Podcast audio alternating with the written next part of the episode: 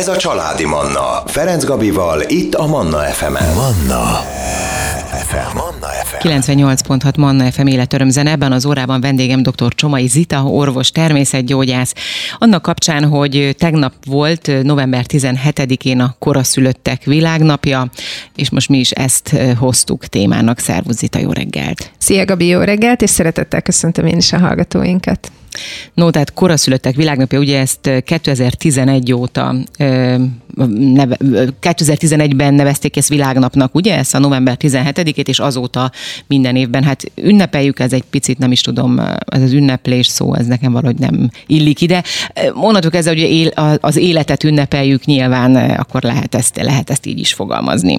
Így van, illetve talán felhívni a figyelmet uh-huh. erre az egész jelenségre, egy picit ráirányítani a fókuszt ezekre a gyerekekre, illetve családokra, és ami szerintem még nagyon fontos maga az ellátó intézmények, ugye itt akár a koraszülött mentés, a koraszülött szállítás, a kórházakban a koraszülött osztályok, hiszen ezek nagyon-nagyon speciális területek, és ezek a kisbabák nagyon speciális ellátást igényelnek, tehát nem lehet őket egy egyszerű mentővel szállítani mm. például. Igen, hát aki nincs benne, vagy nem volt benne, az nyilván az nem, el sem tudja képzelni egyébként, azt gondolom ezt a helyzetet, és most itt említett, hogy a családokat, koraszülötteket és családokat, hát nyilván azt gondolom, hogy sok nagyon-nagyon nagy odafigyelést igényelnek maguk a családok is. Nézzük onnan, hogy mikortól számít koraszülöttnek, tehát hány hetes kortól számít koraszülöttnek koraszülöttnek egy baba? Alapvetően inkább visszafelé megyünk, hogyha a 36. hét előtt született babákat koraszülötteknek tekintjük, és hát gyakorlatilag ugye itt a, az életben maradás. Uh-huh. Régen nagyjából, hogyha már egy kiló volt egy kisbabának a súlya, az is nagyon nagy harcokat igényelt, és ott is szinte szinte lehetetlen volt életben tartani ezeket a babákat. Ma már azért nem ritka a 750 grammos kisbabák is túl tudnak élni, és régen nagyon sok károsodása volt ezeknek a kisbabáknak, hiszen nem volt annyira fejlett a tudás, nem voltak olyan eszközök, nem voltak olyan speciális ellátórendszerek, és ma már azért ezeknek a nagyon nagy részét ki tudjuk küszöbölni.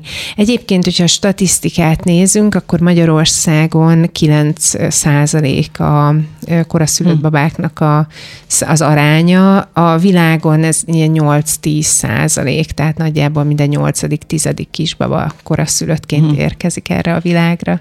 Itt az egy kiló alatti babákról, babákat említetted, ők abszolút teljes értékű életet élhet egy egy kiló alatt ti alatt született kisbaba? Ma már Ma. Az, nyilván attól függ, hogy, hogy milyen, mekkora, igen. és ugye itt ebben az esetben az is nagyon sokat számít, hogy a születése hogyan mhm. történt, uh-huh. tehát volt-e bármilyen trauma esetleg a születés során. Um, ezeknél a babáknál sokkal gyakoribbak az idegrendszeri vérzések például, tehát hogyha van egy agyvérzés, akkor ott lehetnek olyan károsodások, vagy hogy egyáltalán mi vezet vezetett a koraszüléshez, mi volt az a tény, hogyha egy oxigénhiányos állapot, akkor ugye az oxigénhiányos állapot eleve meghatározza az idegrendszernek az állapotát, vagy ö, ma már erre kutatások vannak, hogy például a magnézium hiány az ö, okozhat koraszülést, tehát gyakorlatilag minden koraszülött baba magnézium hiányosnak tekintendő. Itt ö, nyilván az anya életmódja meghatározó, de lehet például egy fertőzés, egy vírusos fertőzés, egy vírusos megbetegedés, ami oda vezet, hogy beindul a, a szülés, és koraszülött lesz a kisbaba. Itt ugye, hogy ezek a kórokozók hogyan jutnak át, illetve átjutottak-e a kisbabába, az is meghatározó. Tehát nagyon sok összetevője van, nem lehet ezt így kijelenteni, uh-huh. hogy, hogy akkor ők teljes értékű egészséges életet tudnak élni, hiszen valami oka volt annak, hogy koraszülötten született. Ugye általában, vagy legalábbis ez nem vagyok ebben nyilván annyira jártas, amit én így látok, meg így az ismeretségi körömből vett információk alapján, leginkább iker, ikerterhességeknél fordul elő a, a koraszül, koraszülés. Mm, bármilyen terhességnél. Uh-huh. De hogy a zömiben, vagy ha arányokban nézzük, akkor... A, az ikreknél ott általában ugye, tehát hogy két baba nem Igen, tud korára megnőni, meg ott elhelyez, tehát hogy ott nyilván mindig picit korábban születnek, de, de egyes terhességeknél uh-huh. is előfordulhat, és egyébként még így visszacsatolom egy picit arra, amit az előbb mondtam, hogy ne, tehát hogy semmiféle bűntudatot ne generáljon magában senki, hogy ő a hibás ezért, hiszen tényleg akár egy magnéziumhiány, vagy egy vírusfertőzés, vagy egy bármilyen uh-huh. állapot, amit így nem tudunk, az, az ugye vezethet, vagy akár az ereknek az állapota, vagy lecsökken a magzatvíznek a mennyisége. Tehát semmiképpen nem akarunk bűntudatot generálni Persze. senkiben azzal, hogy neki koraszülött lett a kisbabája, hiszen ahogy beszéltük is, ez, ez hatalmas teher a családokon, nyilván ez az első állátás, ami kórházban van egy kisbaba, hiszen várják haza, tehát tényleg nem, nem akartam így bűntudatot generálni senki. Nem, nem, én nem érzem, hogy ez ilyen bűntudat generálás lett volna.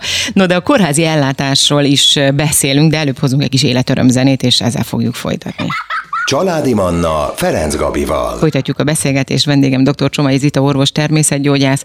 A tegnap november 17-én volt a koraszülöttek világnapja, és ennek kapcsán hoztuk ezt a témát mi is a mai műsorunkban.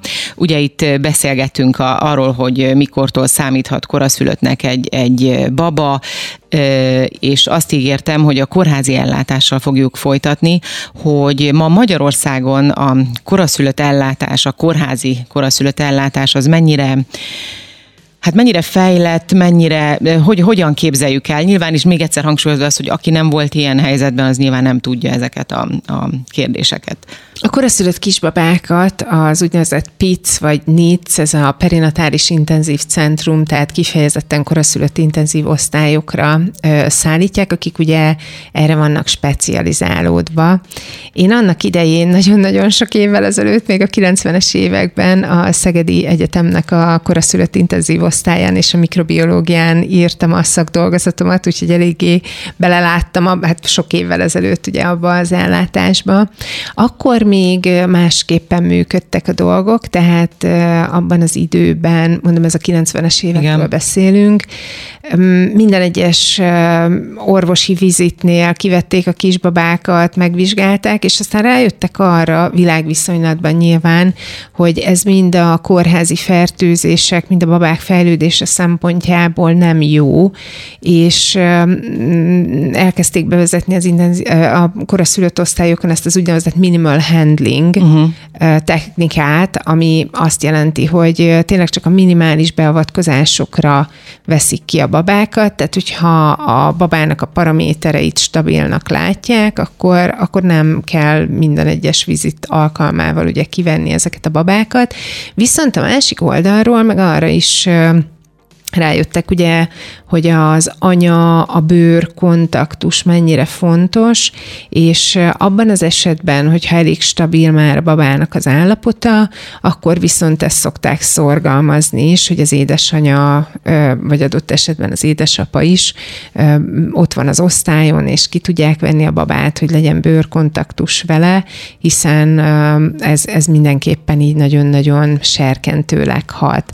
Ami fontos, ugye nekik a szervecskéik még sok esetben fejlődés alatt állnak, tehát akár a tüdő, a légzőközpont, tehát nagyon sokszor légzés támogatásra szorulnak, vagy a szem. Ugye régen nagyon sokszor a koraszülött kisbabák látássérültek lettek, mert akár az oxigénes terápiáknak köszönhetően, akár egyszerűen csak a, a úgymond a fejletlenségből adódóan, ma már úgy alakítják a a levegőt, a lélegeztetést, az oxigénes terápiákat, hogy tudják ennek a következményeit, és ma már jóval kevesebb, például ezek a, a nagyon súlyos látási zavarok vagy látás problémák, a, a koraszülötteknél is, de ugyanúgy az emésztőrendszer, hogy ők milyen táplálékot kaphatnak. Ugye, ha van, és nyilván ez a leges legjobb megoldás, hogy az édesanyja szoptassa a babát, vagy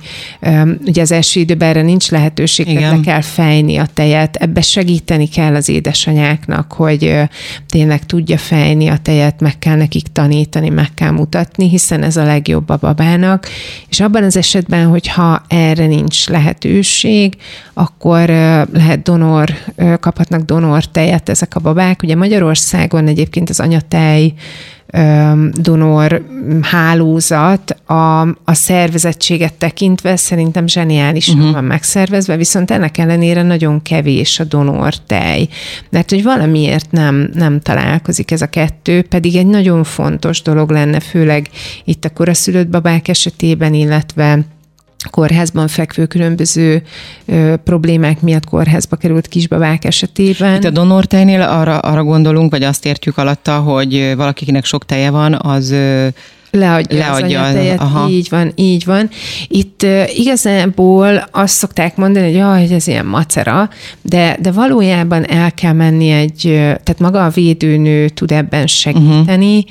és uh, kell egy mákas röngen, tehát hogy biztosítjuk, hogy nyilván nincs valamilyen fertőző betegsége az anyának, székletvizsgálat, illetve hívtesztet szoktak kérni, de aki donor, uh, tehát a, aki anyatej donor, donor kérdés miatt kéri ezeket a vizsgálatokat, ott pillanatok alatt megtörténik, tehát hogy nem, nem kell itt órákat várni uh-huh. egy rendelőben, és a védőnőnek kell egy kérdőívet kitölteni nyilván egy családlátogatással együtt, tehát hogy nem lehet házi állat, nem dohányozhat, alkoholfogyasztás, tehát hogy van számtalan, nyilván a védőnő azért már megismerte a, Igen. az édesanyját ennyi idő alatt, és úgy működik a hálózat, hogy ezeket a steril üvegeket, eszközöket kiviszik az édesanyának, és amikor pedig, tehát megvan, hogy mondjuk minden másnap jön a, úgymond a futára az anyatejért, akkor kicseréli, ott hagyja az üres steril üvegeket, és elviszi uh-huh. a a tejet, és ezek után még egyébként vizsgálatokat végeznek, tehát ilyen mikrobiológiai az vizsgálatokat. Aha. Így van, így uh-huh. van, tehát hogy biztos, hogy ne legyen benne baktérium vagy egyebek. Na hát akkor arra buzdítjuk itt azokat az anyukákat, akinek van olyan sok a teje, hogy, hogy tudna leadni, hogy akkor tegye meg. Most viszont hozunk életörömzenét, jönnek a legfrissebb hírek, és innen folytatjuk a beszélgetést. Ez a Családi Manna. Ferenc Gabival, itt a Manna FM-en. Manna FM. Manna FM. Folytatjuk a beszélgetést. Dr. Csomai Zita orvos természetgyógyásza beszélgetünk. Tegnap november 17-én volt a koraszülöttek világnapja. Ennek kapcsán hoztuk a témát. Ugye hagytuk abba a beszélgetést, hogy milyen fontos a koraszülött kisbabáknak az anyatej, és hogyha nincs az anyukának, akkor vannak az úgynevezett anyatej donorok. Tehát, hogyha valakinek sok a, a teje, akkor az adhat le. Nyilván ezt az interneten gondolom megtalálják a, a, a, az infókat, hogy, hogy hol, meg hogyan. Leginkább a védőnőtől lehet Védőnő. erről. Uh-huh. Így van, így van. A védőnői hálózat, egyébként ez egy nagyon-nagyon jól szervezett hálózat Magyarországon, és a védőnők tudnak ebben információt és segítséget is adni, illetve hát ugye tényleg az interneten azért meg. Igen, ma már minden. Beszéltünk ugye itt a kórházi ellátásról, annak fontosságáról, és akkor menjünk egy picit ezen túl a különböző fejlesztések fontossága, vagy, vagy nézhetjük azt is, hogy milyen vannak-e olyan beszélhetünk egyáltalán alternatív terápiákról egy koraszülött esetén? Nyilván a koraszülöttek esetében a kórházi ellátás ideje alatt az az elsődleges. Igen. Tehát ott a legalternatívabb terápia az az, hogy bőrkontaktus, illetve azért sok helyen használják ezeket a kis polipokat, uh-huh. ami tulajdonképpen egy picit így a koraszülöttek jelképe is lett. Igen, igen. Nagyon sok anyuka horgolta ezeket a pici polipokat, mert hogy az olyan, mint a köldögzsinór, és akkor a babáknak egy ilyen biztonságot adnak vannak ezek a kis polipok, úgyhogy tényleg ez egy picit ilyen szimbóluma is lett ugye akkor a szülötteknek.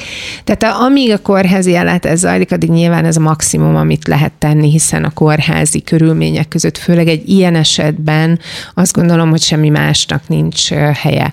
Amikor hazakerül egy kisbaba, akkor ugye itt nagyon fontos, hogy előírják a különböző vizsgálatokat, idegrendszeri vizsgálatokat, ugye neurológiai vizsgálat, személyzeti vizsgálat, és ezekben ugye, hogy egy kisbabának túl kötött az izomzata, vagy túl laza, tehát feszes, vagy kevésbé, hogy mennyire tud a, a mozgása, mennyire szimmetrikus, mennyire halad, ugye a, itt nyilván a, a közéletkort, főleg az első időben mindig korrigálni szokták, Igen. hiszen nem lehet összehasonlítani egy hatodik hónapra született babát egy kilencedik hónapra született babával, mert hát ott egy egész trimester kimaradt de, de ugye mozgás, és azt gondolom, hogy itt a korai fejlesztésekben elsősorban ennek van nagyon nagy jelentősége, azoknak a speciális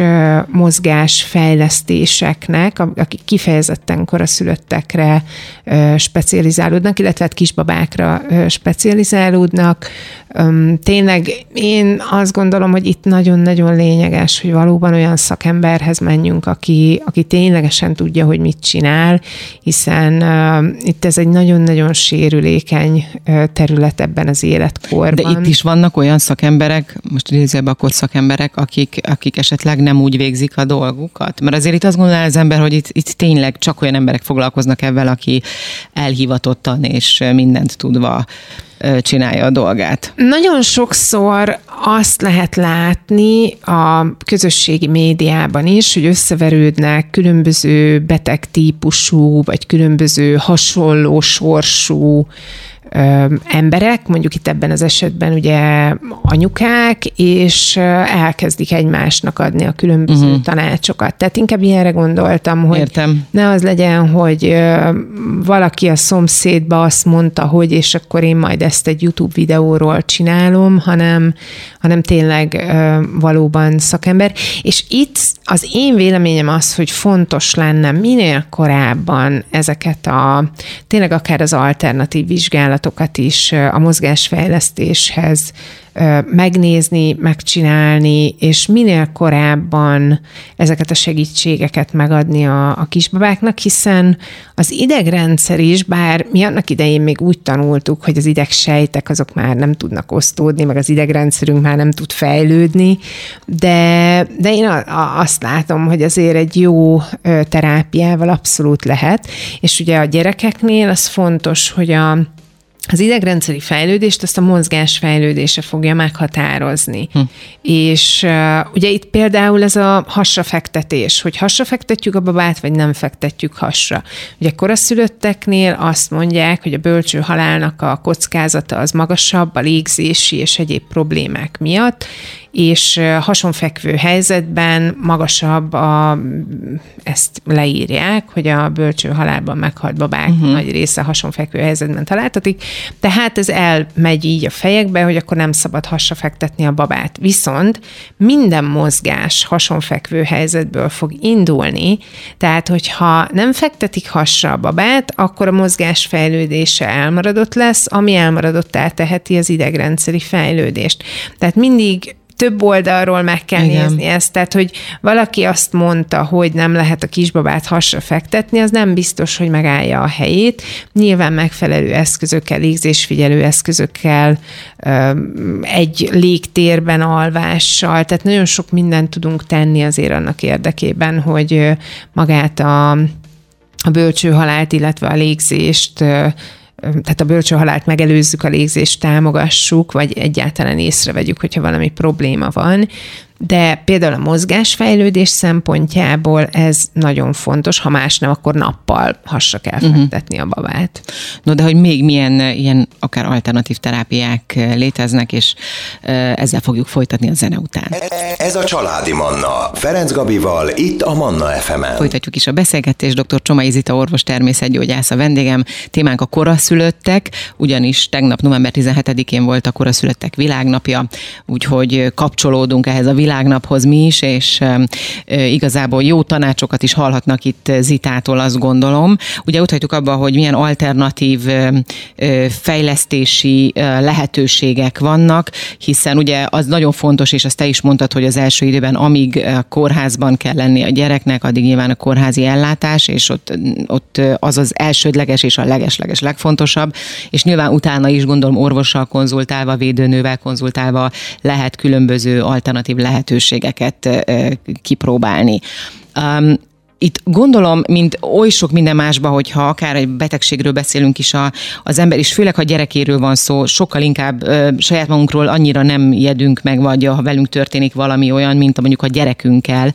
Itt ö, hatalmas nagy kétségbeesés, rengeteg kérdés adódik ugye a, az anyukáknak, szülőknek a fejében. Szerintem nagyon nehéz itt is kiigazodni, eligazodni, hogyha kijöttem a kórházból, most akkor a, a gyerekemmel, a koraszülött babámmal, akkor mi legyen az első út, hova menjek, kit kérdezzek, lehet, hogy ellentétes információkat kapok, például ez is előfordulhat, akár védőnőtől, az orvostól, a szomszédtól, ugye, aki szintén ilyen cipőbe járt. Mi lehet a helyes út? Hogyan, hogyan induljon el a, a, az adott szülő, család, anyuka? amikor uh, útra bocsájtják uh-huh. a kórházból ezeket a kisbabákat, akkor ott általában nyilván a kórházi orvosoknak megvan az a mm, protokoll. Hát, lehet, igen, vagy ha lehet ezt mondani, ilyen stáb, akit az adott területileg illetékes, neurológus, szemész, de itt szóba jöhet ugye például a babáknál lehet probléma a vesével, mert hogy nyilván a fejlődés szempontjából, tehát akkor ha úgy akkor nefrológus, vagy emésztőrendszeri problémák esetén ugye gastroenterológus, de mindenképpen a, a neurológus, illetve a szemész az, az egy nagyon-nagyon fontos vizsgálat, és annak függvényében, hogy ott bent a kórházban miket találtak, adnak javaslatot. A gyermekorvos és a védőnővel való nagyon szoros kapcsolat, nagyon szoros együttműködés, ez megint csak elengedhetetlen, hiszen a gyermekorvos fogja tudni a beutalókat adni, és ő látja a babának, tehát a védőnő és a gyermekorvos látja a babának a fejlődését.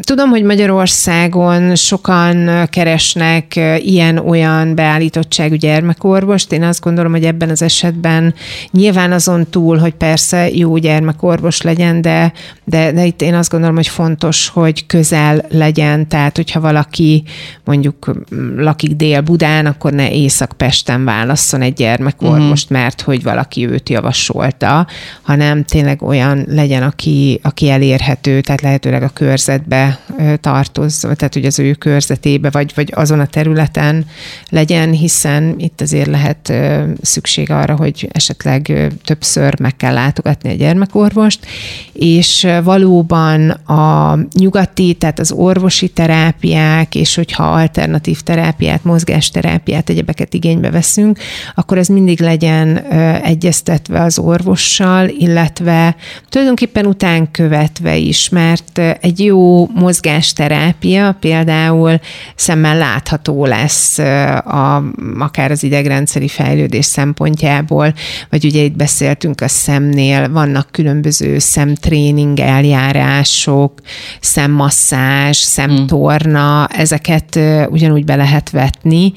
Nyilván itt a, a babák esetében ugye maga a fejlődés az meghatározó, és ami még nagyon fontos, fontos, és én azt látom, hogy ezt szokták egy picit így sürgetni az anyukák, ez a táplálás, az uh-huh. anyateljes táplálás, és hogy mikor kezdjük el hozzá táplálni, Hát itt ugye nyilván ezzel a korrigált életkorral alapesetben fél éves korban kezdünk hozzá táplálni, és ott is meghatározott rendben. A koraszülött babáknak az emésztőrendszere sem olyan fejlett nyilván itt is be kell hozni ezt a fajta lemaradást, és itt sem szabad sürgetni őket, hogy jaj, de hát akkor most már el kéne kezdeni uh-huh. a hozzátáplálást, hanem tényleg egy picit így Szerintem a szülött babák még jobban megtanítják a szülőknek azt a fajta lelassulást, uh-huh. ami nagyon nehéz a mai világban, hogy, hogy tényleg akkor lelassulunk, csak odafigyelünk, csak egymásra figyelünk. Ez nagyon nagy feladat, de, Igen. de tényleg közel tud hozni. Tehát itt akkor az alternatív terápiákat tekintetében így a műsorunk zárásaként főként a mozgás az, amit, tehát azon belül vannak különböző lehetőségek, amit fejlesztési igen. lehetőségek, igen. Zita, nagyon-nagyon szépen köszönöm, hogy ma is itt voltál velünk, remélem, hogy tudtunk segíteni azoknak a családoknak, ahol mondjuk éppen most született kora szület baba, vagy, vagy nem is nem olyan régen, és, és éppen valamilyen terápiát keresnek, vagy valamilyen fejlesztési lehetőséget, és egyébként az interneten is lehet találni találni információkat, de az, hogy mindig szakembert is kérdezzenek meg, ez azt gondolom az egyik legfontosabb mondandónk így a mai napon. Így is. van, és talán a környezet számára pedig, hogy megértsék ezeket a családokat. Tehát, hogy, hogy szerintem ez a legnagyobb üzenete ennek a, a világnapnak, hogy felhívni a figyelmet arra, hogy ilyen létezik, Igen. és felhívni a figyelmet ezekre a családokra, hogy a környezetükben lévők egy picit megértsék és támogassák őket. Köszönöm szépen neked a beszélgetést. Én is köszönöm szépen. Kedves hallgatóim, ebben az órában dr. Csomai Zita orvos természetgyógyász volt a vendégem. Manna. Ez a családi Manna.